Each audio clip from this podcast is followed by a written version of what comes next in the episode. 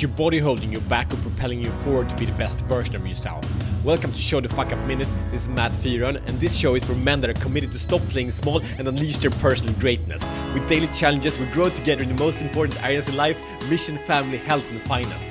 So the problem is that our body is a reflection of our thoughts, focus, and action. And each time someone looks at you, if it's your wife, your children, your co workers, they either see a man that is in charge or a man that is playing small.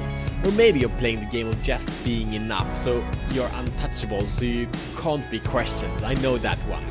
Each time you see yourself in the mirror, you get a reminder of a hero or a mind that's living in a compromise. I'm not judging you, I'm not here saying what is right or wrong, but I'm here calling you out to live your truth. I'm calling you out to show the fuck up and set a new standard in your life.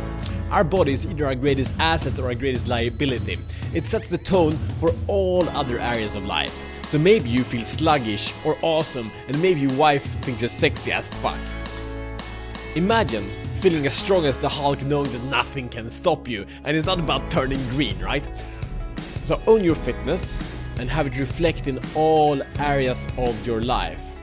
As a recovering pleaser, taking charge of my body is one of the most important tactics. So, what's the solution? Set your mind over matter and push through challenges. When you know that whatever you set your mind to, it will happen, you get superpowers. Can you imagine? So put yourself in the driver's seat, the driver's seat of who you are and who you want to become. This is not about achieving personal perfection or physical perfection either. It's about showing the fuck up and being in charge. It's about growth. So in today's challenge, you will set your base level, where are you at? You will set a goal and you will make a plan. So here's the challenge if you choose to accept it. I want you to rate yourself from 1 to 10 in your general fitness level. Where are you at? Number 2, rate yourself from 1 to 10 on your energy level. Rate yourself from 1 to 10 on your endurance level. Rate yourself from 1 to 10 on your strength level.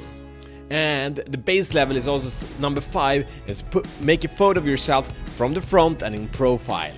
Don't tuck your belly in, okay? Make it real. Number six, do a weigh in. What are you starting at? Number seven, set your goal.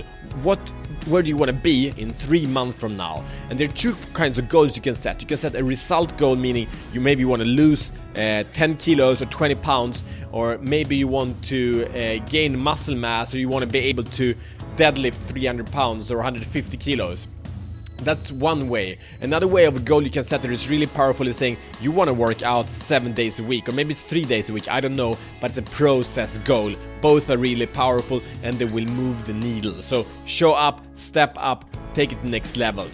Number eight, this is important. Whatever goal you have, there are many proven strategies how to get there. So find the proven strategy. If it's weight loss, search for that. How to lose weight. If I'm if you're 40 years old or if you have a dad bod and you want to lose weight, how do I do that? There are tons of strategies. Find the strategy, commit to that strategy, and follow it.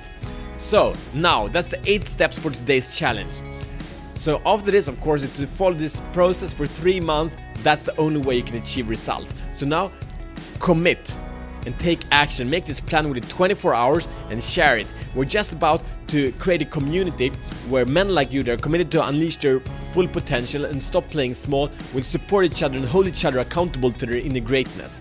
And please subscribe, review, and share this show with a man that is ready to show the fuck up and free himself from the prison of playing small. This is no joke. Men out there like you and me need to take action. We need to take ourselves from our mind of knowing shit and getting things done.